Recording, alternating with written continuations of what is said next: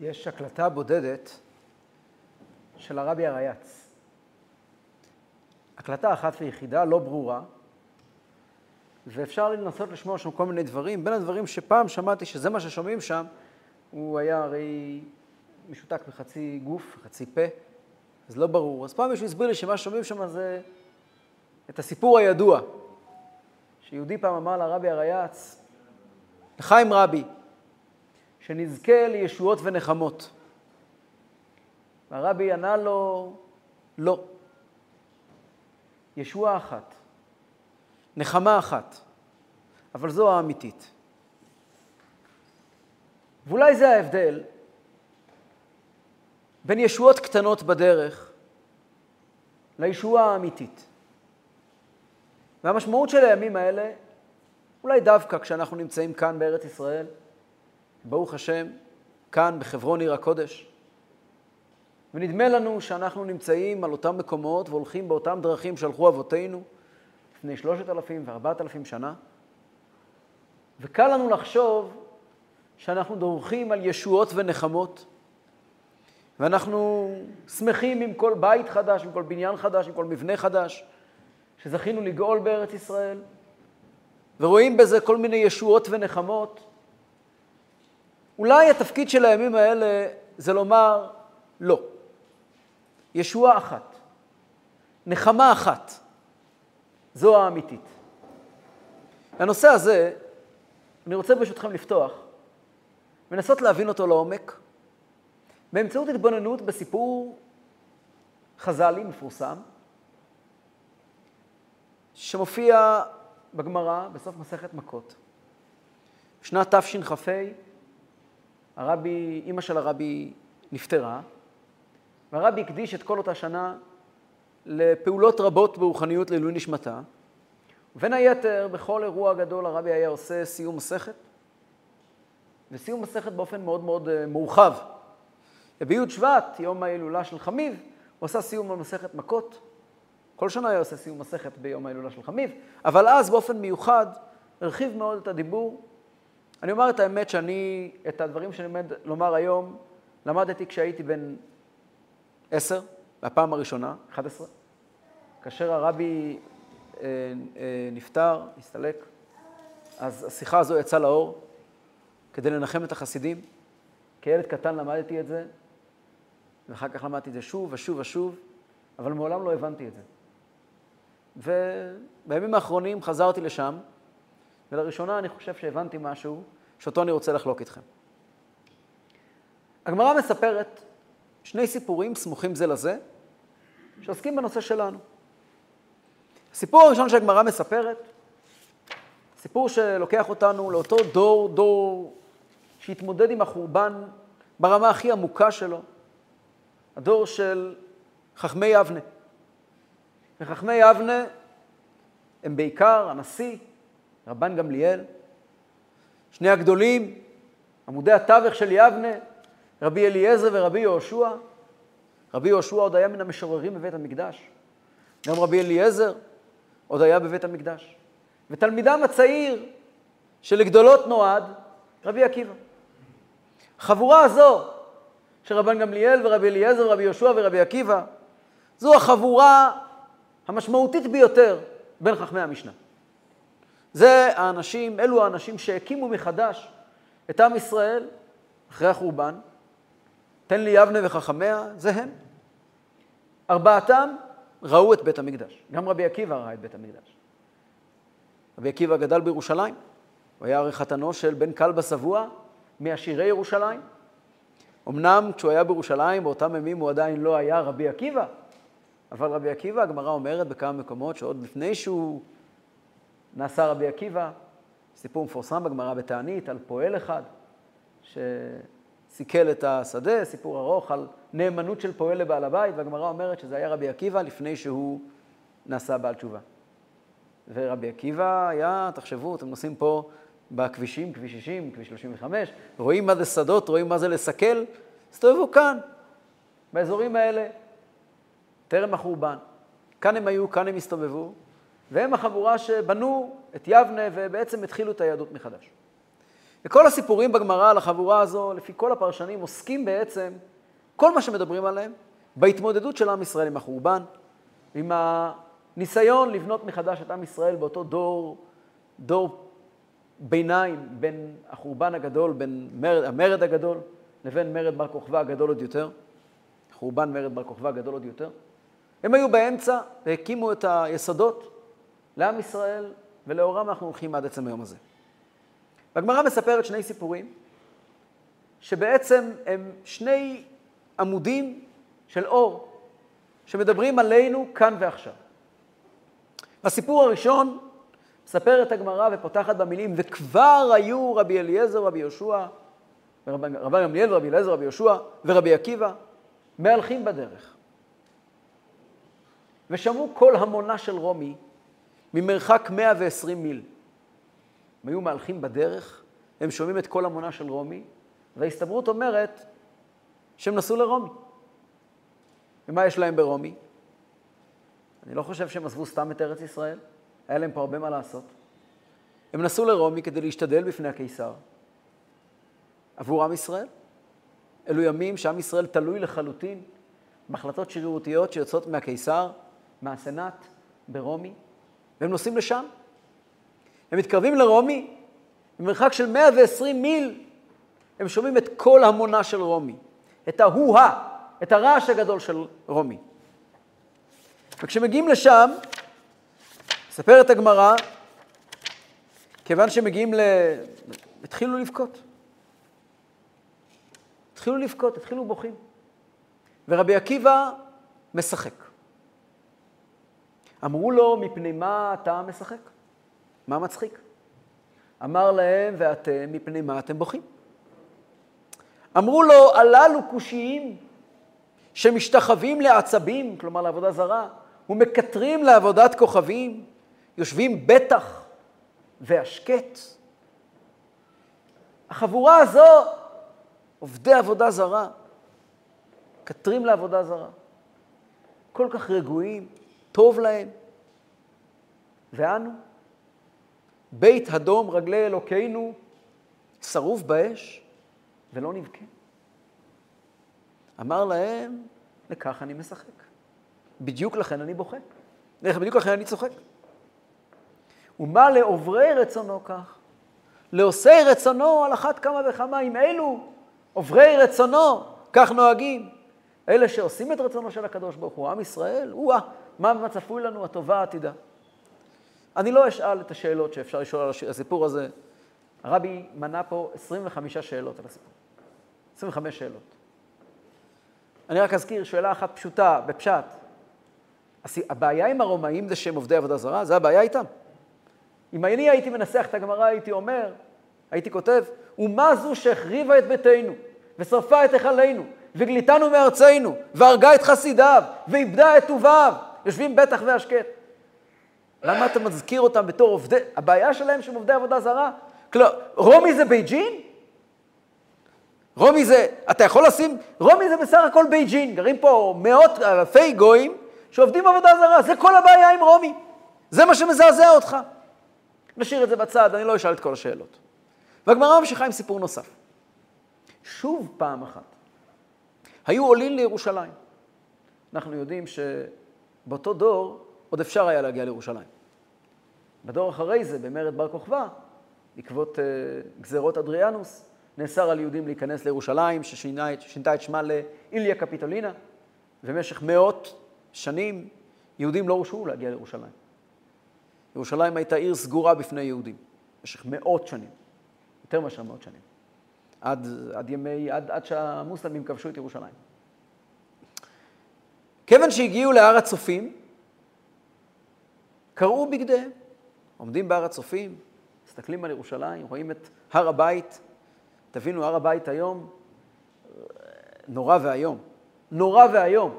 אבל הם ממש ראו עשן. הם ממש ראו שחור. זה עוד לפני שעשו שם משהו בכלל. והם בעצמם שירתו שם. יהושע, רבי יהושע היה מן המשוררים. קראו את בגדיהם, כל החבורה קראו את בגדיהם. כיוון שהגיעו להר הבית, המשיכו ועלו להר הבית, הם עדיין שמרו טהרה, עלו להר הבית. וכשהם עולים להר הבית, הם רואים את המקום של בית קודשי הקודשים, מזהים כל פינה, ופתאום הם רואים שמתוך בית קודשי הקודשים יוצא שועל. ראו שועל שיוצא מבית קודשי הקודשים. התחילו הם בוכים, ורבי עקיבא משחק. אמרו לו, מה מצחיק? מפני מה אתה משחק? אמר להם, ואתם, מפני מה אתם בוכים? אמרו לו, מקום שכתוב בו, והזר הקרב יומת, ועכשיו שועלים מהלכים בו, ולא נבכה. אמר להם, לכך אני משחק. בכתיב, יש פסוק שאומר, והעידה לי עדים נאמנים, את אוריהו הכהן ואת זכריה בן יברכיהו, שני נביאים, וכי מה עניין אוריה אצל זכריה? אוריה היה בכלל במקדש ראשון, וזכריה היה במקדש שני, ועדים צריכים שיהיו יחד. אלא תעלה כתוב נבואתו של אוריה בנבואתו של זכריה. אצל אוריה כתוב, לכן בגללכם ציון שדה תחרש. אצל זכריה כתוב, עוד ישבו זקנים וזקנות ברחובות ירושלים. עד שלא התקיימה נבואתו של אוריה, הייתי מתיירא על נבואתו של זכריה, שמא נבואתו של זכריה לא תתקיים. ועכשיו שראיתי שנבואתו של אוריה מתקיימת, בטוח אני שנבואתו של זכריה גם תתקיים. בלשון הזה אמרו לו, עקיבא ניחמתנו, עקיבא ניחמתנו. והשאלות גם פה רבות עד, עד, עד, עד אין מספר, ואני לא אשאל את כולם. אני רק אציין שרבי עקיבא עומד עם בגדים קרועים וצוחק. הוא בעצמו קרא את הבגדים. הוא לא מכחיש חורבן. אם הוא מכחיש משהו, זה נבואה. מה זאת אומרת? עד שלא ראיתי את נבואתו של אוריה מתקיימת, שזכריה מתקיימת, לא הייתי יודע אם תתקיים נבואתו של אוריה, אתה מטיל ספק בנבואה, נבואה לטובה? יש לך ספק בכלל שלכן, שבעזרת השם ישבו זקנים וזקנות ברחובות ירושלים? ועוד שאלות עד בלי די, אנחנו נתעלם מהן. ניגש ישירות להסבר. אנחנו נמצאים כאן, תודה רבה באמת לחב"ד חברון, על הזכות הגדולה להופיע כאן בפניכם היום, במקום הקדוש הזה. זו הזדמנות לאחל לכם הצלחה ביום גיוס כספים, שיהיה למעלה מן המשוער ולמטה, מדר... ולמטה מעשרה טפחים. אבל יש פה במקביל, בואו נפתח את זה, יש פה, לא רחוק מכאן, אספת בחירות. אני לא הייתי שם. אבל אני יודע מה מדברים שם. אולי חלקכם היו שם עכשיו. מן הסתם, נושא השיחה באספת הבחירות זה המצב. המצב בארץ. עד כמה ארץ ישראל חרבה במובן הרוחני. עד כמה החובה שלנו, או ההשתדלות שלנו, לעשות למען זה. יש כאב שקיים אצל כולנו, שמסתכלים ימינה ושמאלה ורואים לאיפה העולם הולך. לאיפה העולם הולך? בית המקדש הרי לא הקרין רק על ירושלים, כי מציון תצא תורה ודבר השם ירושלים. בית המקדש הקרין על העולם כולו. העולם היה נורמלי. העולם היה נורמלי בזמן בית המקדש, קדושת בית המקדש, נקודת מפגש בין ארץ ושמיים, בין ירושלים של מעלה לירושלים של מטה, ששם עלו שבטים, מקום שבו היה חיבור בין עליונים ותחתונים. בבית המקדש היה מוחש שהחיים שלנו הם חלק מהרצון העליון. לא היה מקום לבלוף, לשקר, לזיוף. וכשבית המקדש נחרב, העולם מידרדר במהירות מטורפת לחורבן, במובן הרוחני. העולם הולך ומידרדר, וחז"ל בירושלמי אומרים, כל דור שלא נבנה בית המקדש בימיו כאילו נחרב בימיו. אחד הפירושים בזה, כי בכל דור, ביחס לדור הקודם, זה חורבן חדש. ממש דברים שהיו נחשבים לנורמליים לפני דור, הופכים היום להזויים ולהפך. ההתרחקות מהנורמליות היא תלולה באופן שלא קיים דוגמתו. המקום שאליו העולם הולך זה קטסטרופה. מבחינת חינוך, ערכים, מה זה כל המונה של רומי? יש גמרא נפלאה במסכת יומא, גמרא נפלאה שאומרת, אלמלא כל גלגל חמה מנסר ברקיע, אם לא הרעש הגדול של כל גלגל חמה שהוא חותך את השמיים, לא היינו יכולים לשמוע שום דבר מהרעש הגדול של כל המונה של רומי. ואלמלא כל המונה של רומי, לא היינו יכולים לשמוע שום דבר אלמלא כל גלגל חמה, לא היינו יכולים לשמוע שום דבר בגלל הרעש הגדול של כל גלגל חמה מנסר ברקיע. וכאילו שני הקולות האלה מאזנים זה את זה. כל גלגל חמה מנסר ברקיע מול כל המונה של רומי. מה המשמעות של זה? משמע במהר"ל, עכשיו הפירוש הוא כזה. כל המונה של רומי זה רעש החיים. זה הרעש של החיים השוצפים, הדאגות, הטרדות של היום-יום, של הכאן ועכשיו, ההישרדות, יוקר המחיה, הפוליטיקה הזולה והמטופשת, שאנשים עסוקים כל כך בקטנה, בקול רעש גדול. כתוב בחז"ל. אמ, נו, מטבע קטן בקופה, מקשקש מאוד חזק, נו, קיש קישקריה, זה מתחיל? איסתרא בלגינה קיש קישקריה. והאיסתרה נהיית קטנה, והלגינה נהיית עוד יותר גדולה, והרעש הוא נורא ואיום מחריש אוזניים. מה שמאזן את זה קצת, זה כל גלגל חמה מנסר ברקיע. יש לנו יכולת להרים, שאו מרום עיניכם וראו מי ברא אלה. לשים לב לנוכחות של הקדוש ברוך הוא בעולם. אתה נזכר שיש הקדוש ברוך הוא בעולם. אתה נזכר שישנה הנהגה אלוקית. אז זה מאזן קצת את הרעש הנורא של כל גלגל, של, של כל המונה של רומי. אבל אלמלא כל המונה של רומי, היינו שומעים רק את כל גלגל חמה מנסר ברקיע. ואולי המשמעות של החורבן זה שכל המונה של רומי מנצח את כל גלגל חמה מנסר ברקיע. במשחק סכום אפס בין הקדוש ברוך הוא לבין רומי, בין החמה המנסרת ברקיע, אנחנו נמצאים בחברון, האיר כל פני המזרח עד שבחברון, והרועה אומר ברקאי, פה חברון מקום של חיבור בין הקדוש ברוך הוא לעולם, כידוע, פתח גן עדן. המקום הזה הוא משקף, אפילו בזמן הגלות, אנחנו יודעים שרבותינו הקדושים השקיעו את דמם ואת חלבם במקום הקדוש הזה, כיוון שפה זו נקודה שעוד אפשר להריח את החיבור בין העולם לבין הקדוש ברוך הוא, יותר מאשר במקומות אחרים. אבל ככל שעובר הזמן, אז הרעש של כל המונה של רומי הולך וגובר, אנשים מאבדים ריכוז. אנשים לא מסוגלים להתמקד בכל גלגל חמה מנסר ברקיע, בגלל כל המונה של רומי. וזה מה שכבר היו רבי אליעזר, רבן גמליאל ורבי אליעזר, רבי יהושע ורבי עקיבא מהלכים בדרך. מה זה מהלכים בדרך? מתבוננים בדרך הזו, בדרך הארוכה שכולנו הולכים. הם תופסים שכל המונה של רומי עובר כל גבול. הוא מנסר בכל כך, בכאלה עוצמות, 120, במרחק 120 מיל, אי אפשר לשמוע כלום מרוב כל המונה של רומי. הרעש שהעולם נותן, הבלגן, ההיצמדות לכלום ושום דבר, מבלבלת לגמרי. עומדים אותם חכמים, מתבוננים בגלות, זה מה שהטריד אותם, ושואלים, כל המונה של רומי, עד כמה הוא יכול לנצח? בעקבות חורבן בית המקדש, את כל גלגל חמה מנסר ברקיע. ורבי עקיבא צוחק. אומרים לו, מפני מה אתה צוחק? מה מצחיק פה? הוא אומר להם, למה אתם בוכים? מה לא ידעתם שהתברר לכם כעת? יש איזשהו מידע שהתווסף ברגע זה, שלכן אתם בוכים? מה לא קראתם בעיתון שפתאום גיליתם כעת? אז אומרים לו, כן.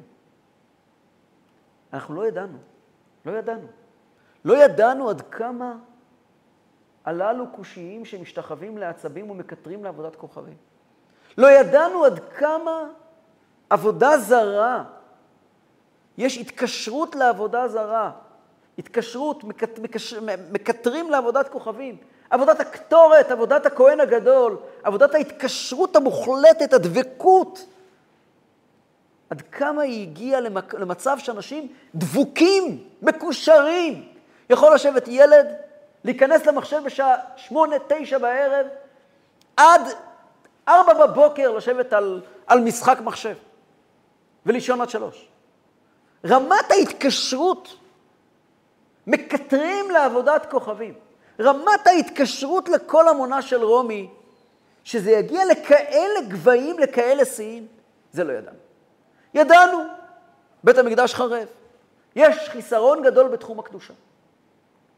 אבל שיכול להיות שהללו קושיים משתחווים לעצבים ומקטרים לעבודת כוכבים, ההתקשרות המוחלטת ללכלוך של העולם, לעשות כל כך הרבה רעש מכלום ושום דבר, ובאופן של קטורת, של התקשרות עמוקה, פנימית, אלוקית.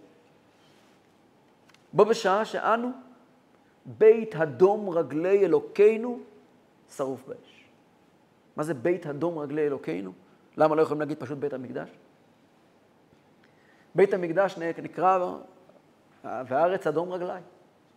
השמיים כסאי והארץ אדום רגלי. זה שיהודי יכול היום לשבת ולפתוח גמרא וללמוד שעה, להתחבר לשמיים כסאי, זה אפשר. יהודי יכול ללמוד מאמר חסידות, להתנתק רגע מחיי היומיום, זה שייך. אבל מה קורה עם הארץ אדום רגליים? בית המקדש חיבר את הקדוש ברוך הוא לחיים עצמם. כשאנחנו מסתגרים לנו בארבע אמות של תורה ושל תפילה, ומה טוב יותר מיבנה? יושבים ולומדים תורה ומתחברים לאותו מקום עליון, כן, אנחנו יודעים ששם יש קדושה, אבל זה לא חוכמה. מטרת בית המקדש היא לחבר ארץ ושמיים. הדום רגליו, הארץ אדום רגליו, להביא את הקדוש ברוך הוא לעולם. מה קורה עם זה? מה קורה עם הארץ אדום רגלי? אנו, בגללנו, הרי מי שמחריב את בית המקדש זה לא, לא נבוזרדן ולא טיטוס, שהרי בית חרוב החרבתם, בית היכל שרוף שרפתם. רק אנחנו יכולים להחריב את בית המקדש. חוץ מאיתנו אף אחד לא מסוגל לעשות דבר כזה. אנו, בית אדום רגלי אלוקינו, שרוף באש, ולא נבכה. התחדש לנו עכשיו מה רמת הקשר לחושך של העולם, במקביל לרמת הניתוק של הקדוש ברוך הוא מן העולם. זה שהתחדש לנו עכשיו. אמר להם, אומר להם רבי עקיבא, לכך אני משחק. זו בדיוק הסיבה שגורמת לי לצחוק, שלא צחקתי קודם. כי גם לי התחדש עכשיו משהו. מה התחדש לרבי עקיבא? אז נדבר כמה מילים על רבי עקיבא. יש הבדל גדול מאוד. בכל הארבעה האלה אפשר לחלק אותם לשניים. רבן גמליאל, זה לא היה רבי אליעזר, זה היה רבי אלעזר בן עזריה, הנשיא המחליף. רבן גמליאל, רבי אלעזר בן עזריה, רבי אלעזר בן עזריה ויהושע ורבי עקיבא, מייצגים ארבע קבוצות בעם ישראל. זה לא סתם. רבן גמליאל, נשיא ישראל, זה רבי דוד, מייצג את ישראל. רבי יהושע הלוי מייצג כמובן את בית, בית הלוי. ורבי אלעזר בן עזריה, הנשיא המחליף, היה הדור עשירי לעזרא הסופר, אין שום ספק שאם בית המקדש היה על מכונו, הוא היה הכהן הגדול. רבי אלעזר בן עזריה מייצג את הכהנים. אנחנו יודעים שיש לנו במזמור הודו, שלושה, בהלל, כמה פעמים מזכירים שיש לנו יש לנו את, את אה, בחינה של בית אהרון, בית הלוי ויראי השם. כן? ושלושתם אמורים לעשות כי לעולם חסדו. יש להם שלושה דרכים להביא את הקדוש ברוך הוא לעולם באופן של כהונה, שזה דרך אחת, באופן של לוויה, שזה דרך אחרת. בית הלוי ברכו את השם, בית אהרון ברכו את השם, בית הלוי ברכו את השם, יראי השם ברכו את השם. יראי השם זה, זה עם ישראל. הם מברכים, מברכים את השם, מביאים את השם לעולם. ולכן גם הם אומרים להם במיוחד על כל אחד מהם כי לעולם החסדו. אבל יש בחינה רביעית, שלא נמצאת בהלל. בהלל מדובר על שלוש בחינות. הודו להשם כי טוב כי לעולם חסדו, יאמרו, יאמרו נא בית אהרון כי לעולם חסדו, יאמרו נא בית הלוי כי לעולם חסדו, יאמרו, ירא, ירא השם כי לעולם חסדו. כידוע, בקבלה, המילה חסדו בגימטריה 72, זה בחינה של שם ע"ב, בגימטריה בחן, או ובחן. חסד זה 72, חסדו זה. ובחן, אומרים בראש השנה ויום כיפור, אומרים בתפילה שלוש פעמים ובחן. כתוב בזוהר שאומרים שלוש פעמים ובחן. כתוב מפורש, האובכן הראשון, זה כאילו עולם חסדו של הכוהנים, האובכן השני, זה כאילו עולם חסדו של הלוויים, האובכן השלישי זה כאילו עולם חסדו של הישראלים. כתוב בזוהר שזה האובכן הראשון זה אברהם, האובכן השני זה יצחק, שהוא בחינה של לוויים, האובכן השלישי זה יעקב, אברהם קשור לכהנים, כהן איש החסד, לוי זה העבודה של, ועבד הלוי, עבד הלוי הוא, זה עניין של יצחק, עבודה, ויעקב, יעקב זה ישראל, כן?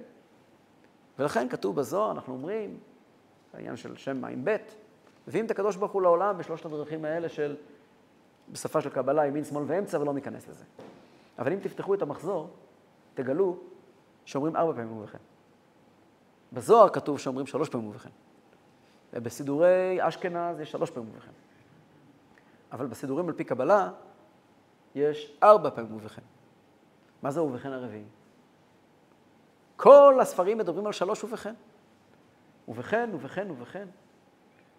אז כתוב, במאמר חסידות פעם כתוב, יש ובכן של אברהם, יש ובכן של יצחק, ויש ובכן של יעקב, ויש עוד ובכן. ובכן אבוא אל המלך אשר לא כדת, וכאשר עבדתי, עבדתי. זה ובכן רביעי. מה זה ובכן הרביעי הזה? יש יהודים של אברהם, ברוך השם נמצאים פה כל כך קרוב, אתם רגילים. אני הייתי פה רק לפני שבועיים, עבר הרבה מאוד זמן. אני משתדל להגיע לפה כמה שיותר. אבל uh, אתם רגילים פה לקדושה העצומה. אני מתרגש כל כך לעמוד פה. ואתם פה נמצאים, ובכן ובכן ובכן. יש יהודים של אברהם. יש יהודים של יצחק, יהודים של אברהם, יהודים של חסד.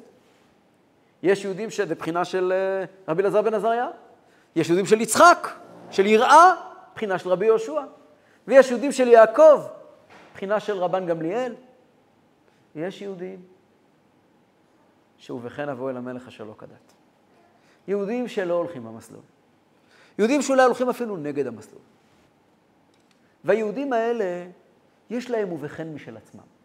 הם לא מצטרפים לאובכנים הרגילים.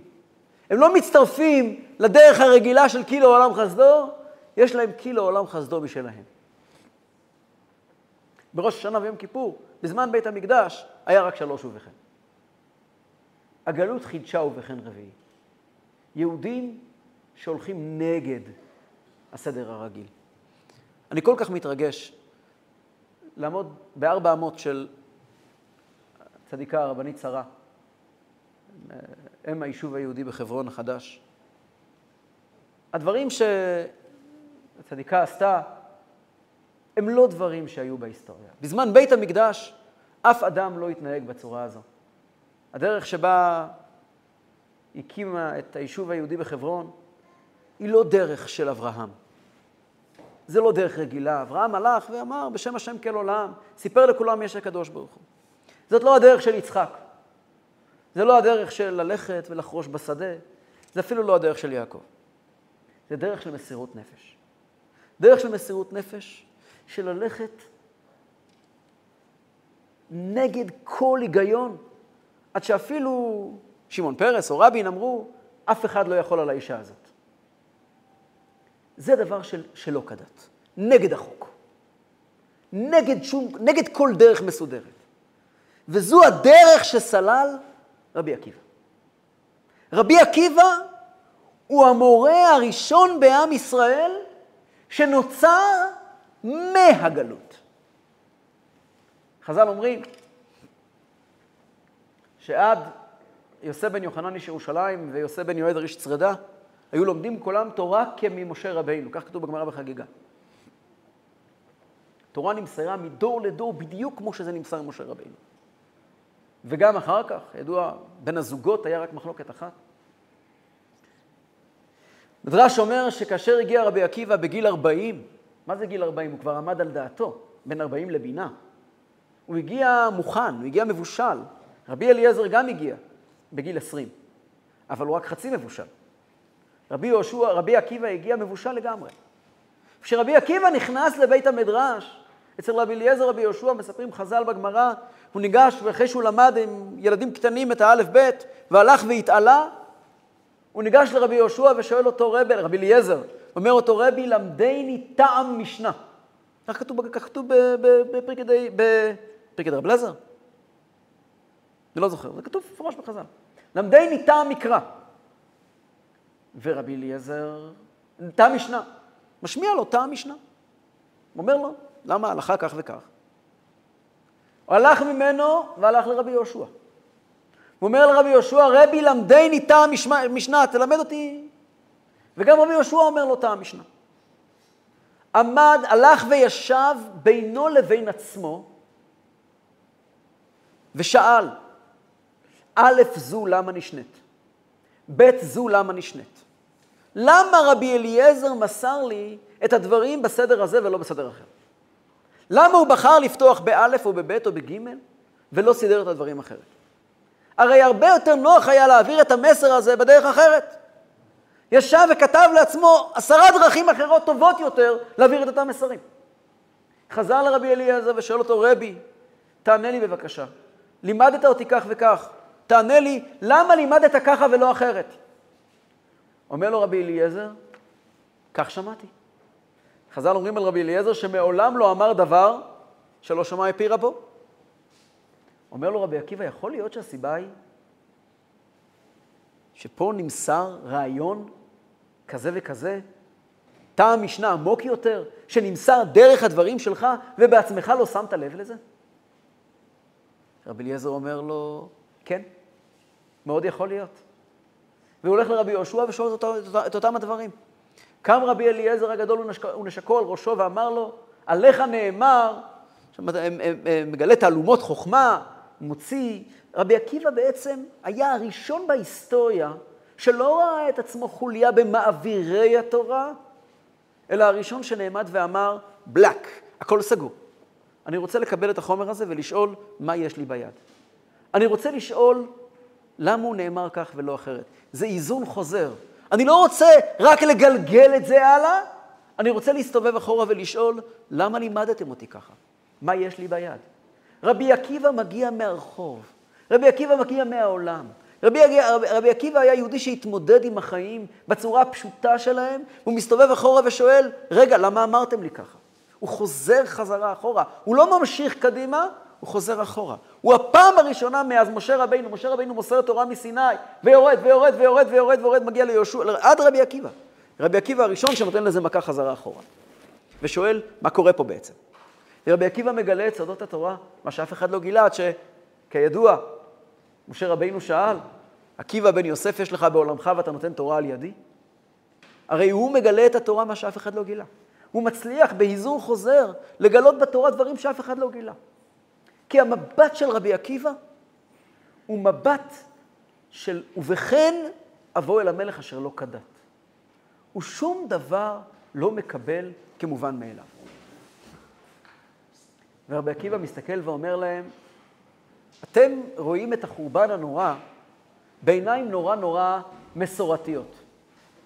אתם מגיעים מבית המקדש, מהאור הגדול, ורואים את השקיעה הנוראה את האימה חשיכה נוראה נופלת עליו, אתם רואים את החורבן הנורא, מכיוון שאתם מגיעים מהאור. אני, חברים, מגיע מלמטה, ואני רואה משהו אחר. אני רואה את עוברי רצונו. אני מכיר את הרעש של כל אמונה של רומי, שלא כמוכם. אני יודע מה קורה שם. ואני מבין שבכל אמונה של רומי יש שם עוצמות. יש שם כוחות אדירים. והכוחות האדירים האלה שהם גלות, אבל יש שם כוחות אדירים שהקדוש ברוך הוא ברא. ויבוא יום, והכוחות האדירים האלה יצעקו, אין עוד מלבדו. יבוא יום, לרומי יש מה לומר, אתם לא מבינים באמנות רומית. אתם לא מבינים בתרבות רומית, אתם לא יודעים. אחד מכם גולל לסמטריה, אחד מכם גולל ל... כתוב שם לאפריקי. כל... העולם באמת יורד לתהומות, למצולות. ובמצולות האלה יש עוצמות אדירות של קדושה, קדושה שנראית נורא ואיום, מבחינה של חתיכה נעשית נבלה, כן, שקדושה שנופלת למקומות כאלה. אבל אם לעוברי רצונו כך, להתחדש היום, לאיפה, על בסיס מה הולך להיבנות בית המקדש השלישי. בית המקדש השלישי יהיה בנוי על היסודות האלה. על דברים, בית המקדש השלישי הוא לא המשך של בית המקדש הראשון והשני. בית המקדש השלישי ייבנה מהעוצמות של הגלות. ואתם יודעים, לגלות יש עוצמות. ותסלחי לי, כשהצדיקה שרה הלכה באותו יום גשם, נכון? היה קיץ. לבית הקברות היהודי, לחצוב קבר במו יודע. זה לא עוצמות של, מתבטא בצורה נכונה, זה לקחת את הכאב ולהפוך אותו לבניין. אם היינו הולכים לעשות חופה במערת המכפלה, זה לא היה מצליח. אם היו קבוצה של אנשים מחליטים ללכת בריקוד ולהתיישב בבית הדסה, זה לא היה עובד. כשהלכו קבוצת רבי עקיבים, קבוצה של אנשים שאיבדו משהו, הם הלכו בעוצמות של הכאב. והעוצמות של הכאב הם לאין ארוך חזקים יותר וגדולים יותר מהכוחות של הטוב. מהכוחות של המובן מאליו, מהכוחות של נמשכים מדור לדור, הכוחות שהיה לרבי אליעזר ורבי יהושע. הכוחות של הכאב העוצמתיים, שמגלים כעת רבי אליעזר, ורבי, לא רבי אליעזר, רבי יהושע, רבי אלעזר בן עזריה ורבן גמליאל, בכל המונה של רומי. אומר להם רבי עקיבא, שם נמצא אבן היסוד, אבן הפינה לבית המקדש השלישי. ומה לעוברי רצונו כך, לא עושה רצונו על אחת כמה וכמה. זה כשהם הלכו לבדוק מה קורה בעולם. אבל אחרי זה, הם הלכו לבדוק מה קורה אצלנו בבית. שוב פעם אחת היו הולכים לירושלים. שוב, מלשון לחזור הביתה. הם הלכו לבדוק מה נשאר מירושלים. ירושלים זה יראת שמיים. מה נשאר אצלנו בבית? מה נשאר במחנה שלנו? עם ישראל פנימה. מה קורה אצלנו? הגיעו להר הצופים ורואים את העובדה הידועה לכל, שבית המקדש חרב, וההנהגה היהודית הקלאסית קרעו את בגדיהם, זאת ההלכה. נכנסים להר הבית. להתפלל באותו מקום ששכינה לא זזה ממנו. והם אומרים לעצמם, ירושלים יכולה לחרב אלף פעמים. יש דבר אחד שאי אפשר לגעת בו, ציון. כתוב בקוטעי תורה, ציון במשפט תיפדה ושביה בצדקה. שביה זה השבויים, שבויים זה הבנים של ירושלים, הבת ירושלים. הבת ירושלים זה הולך על האהבה והיראה של יהודים, על אהבת השם של יהודים, על יראת השם של יהודים. זה יכול ללכת שבי, שהאהבה במקום, בניה הלכו שבי לפני צר, שבמקום של יהודי יהיה אהבת השם, מתחיל לאהוב את החיים הטובים. במקום שיהיה לו יראת השם, מתחיל לפחד, פן יחסר לחמו, מאיפה ייכנס משכורת. אבל ציון, ציון המצוינת, אף אחד לא יכול לגעת בה. ציון זה, רק צריכים לפדות אותה, להסיר מעליה את הכיסויים. ציון זה נקודת היהדות ששלמה אצל כל יהודי. ורבי עקיבא והחבורה עומדים שם ומסתכלים לכיוון ציון המצוינת. יחידה ליחדך, נקודת החיבור של יהודים עם הקדוש ברוך הוא. מתבוננים באותה נקודה פנימית שאותה אי אפשר לערער ואי אפשר לשבש. ולמרפא הפלא ולמרבה החרדה, הם מגלים שועל שיוצא מבית קודשי הקודשים. הם מגלים את השועל, שועל זה לא סתם בעל חיים. הם לא ראו מבית קודשי הקודשים יוצא חתול, או נמר, או זאב ערבות, או אפילו בעל חיים לא טהור מסוגים אחרים שמעוררים חלחלה. הם ראו שועל. והדבר הכי לא מתאים לקודש הקודשים זה שועל. שועל הוא הפיקח שבחיות. שועל זה רומז על התחכמות, על חוכמולוגיות, על עיוות. וכשהם מסתכלים על היהודי שמנסה לדבר קודש הקודשים, ויוצא להם מהפה שטויות במיץ. הם כעת לא מסתכלים על איך נראה הרחוב, הם מסתכלים על איך נראה בית המדרש. הם מסתכלים על איך נראה הבית שלנו פנימה. איזה עיוותים, איזה שטויות, איזה שועל יוצא מבית קודשי הקודשים. הם מסתכלים על השועל שיוצא מבית קודשי הקודשים ואומרים, עד כאן. התחילו בוכים. הם התחילו לבכות כי זה היה להם חדש. שבבית המדרש, שבבית המקדש, נקודת ציון תהיה כל כך מעוותת. אני לא רוצה לדבר פוליטיקה, זה לא תפקידי, חסיד חב"ד לא מדבר פוליטיקה. אבל תבינו לבד, שאפשר לדבר תחת איצטלה של אחדות וקדושה ולהילחם בקדוש ברוך הוא באותו, באותו משפט. שאפשר לקחת, וכל אחד מאיתנו, לתרגם את אותה נקודה פנימית של אהבת השם ויראת השם, לא אהבת השם ויראת השם, אלא חיבור לקדוש ברוך הוא, לתרגם את זה להתחכמויות, לשועל שיוצא מבית קודשי הקודשים. כזה עיוות, זה בלתי יעלה, זה לא יעלה על הדעת. אומר להם רבי עקיבא, רבי עקיבא צוחק, שואלים אותו, למה אתה צוחק? למה אתם בוכים? כאילו, מקום שכתוב בו, והזר הקרב יומת. ועכשיו שואלים ילכו בו ולא נבכה. מה זה הזר הקרב יומת? יש לכל אדם חדר קטן בלב, שלשם לא נכנסים בלי רשות. לכל אדם יש תחומים שהם טבו. יש דברים שעליהם נקודת קשר פנימית עמוקה של כל יהודי עם הקדוש ברוך הוא. אנחנו לא מחצינים, עדיין, ברוך השם, לא עומדים עם, עם, עם מקל סלפי בתפילת נעילה.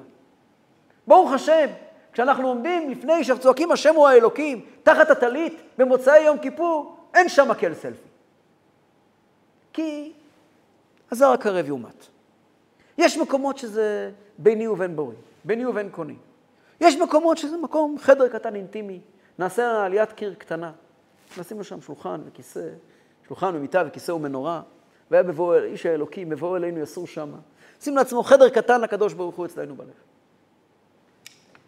וכשהחדר הזה נפרץ, וכשהחדר הזה הופך להיות נושא הדיבור, ומשם יוצאים רק שטויות, רק שועלים יוצאים משם, לא נבכה. אמר להם, כך אני מצחק. הכתיב והעיד על ידים נאמנים את אוריה הכהן ואת זכריה בן יברכיה. מה העניין אוריה אצל זכריה? אוריה במקדש ראשון, זכריה במקדש שני. מה הקשר בין האנשים האלה בכלל? אלא שניהם אומרים דבר אחד. אוריה אומר, לכן בגללכם ציון שדה תחרש, הוא לא בוחר בפסוק על הר ציון ששמם שועלים ילכו בו, פסוק הרבה יותר מתאים. אוריה אומר, לכן בגללכם ציון שדה תחרש. זכריה אומר, עוד ישבו זקנים וזקנות ברחובות ירושלים. מה זה ציון שדה תחרש? אומר רבי עקיבא לחברים שלו, אתם מתגעגעים לפעם. אתם שמגיעים מפעם, מתגעגעים לפעם. אתם מייחלים ליום שבית המקדש יחזור.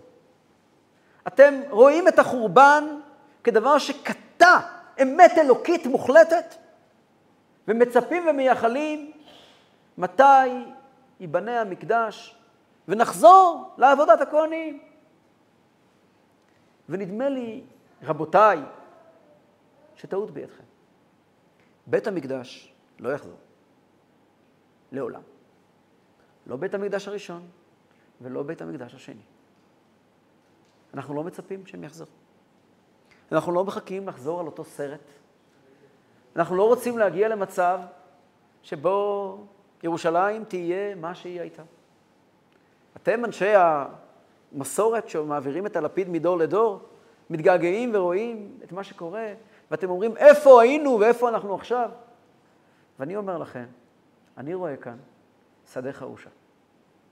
שדה חורשים, לא בשמיטה, על מנת שיצמח יבול חדש.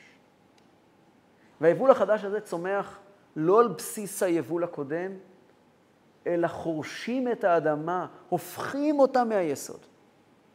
איך אמר מי שאמר? משהו חדש מתחיל. והמשהו חדש מתחיל, מתחיל עם חפירה עמוקה בקרקע. כשאני מגלה שמנקודת החיבור הפנימית ביותר של יהודים הקדוש ברוך הוא יוצא שועל, אני מבין שאין שום קשר בין מה שעומד להיות ובין מה שהיה. החרישה היא חרישה כל כך עמוקה, שחייב להיות שהקדוש ברוך הוא רוצה ליצור יהודי חדש לגמרי. עכשיו אני מבין מה זה עוד ישבו זקנים וזקנות ברחובות ירושלים. ואיש על משענתו מעול ימים. מרוב ימים אומרים חז"ל, מה פירוש של הפסוק הזה? מה עם ילדים וילדות? גם כתוב ילדים וילדות משחקים, גם. אבל מה הדגש, זקנים וזקנות? כתוב בחז"ל שבתחיית המתים יקומו זקנים, לא יקומו צעירים. חז"ל אומרים שכשיקומו בתחיית המתים, אנשים יקומו לא מנקודת, לא יקומו צעירים ורעננים, אלא יהיה להם, הם יקומו כמו שהם נפטרו. למה? כתוב בחז"ל שהסיבה לזה זה כדי שלא יגידו שזה לא אותו בן אדם קם. שלא יבואו ויאמרו, קמו אנשים חדשים לגמרי, זה לא מי שנפטר. לא, יקומו זקנים וזקנות, אבל יעברו שינוי כזה שלא תהיה בעיה עם הזקנה. הזקנה לא תהווה בעיה, להפך. זאת אומרת שהרעיון של הגאולה, של עוד ישבו זקנים וזקנות ברחובות ירושלים, המשמעות של זה, זה שאנשים, בלשון חז"ל זה, אמר הקדוש ברוך הוא, הם כן יעמדו כמו שהלכו, ואחר כך אני מרפא אותם. קודם כל יעמדו כמו שהלכו, ואחר כך אני מרפא אותם. למה? כי אם קמים צעירים, זאת אומרת שאתה מגלח את החסרונות שלהם. אתה בעצם מגיע ואתה אומר, אני נותן את מה שהיה, מינוס החסרונות.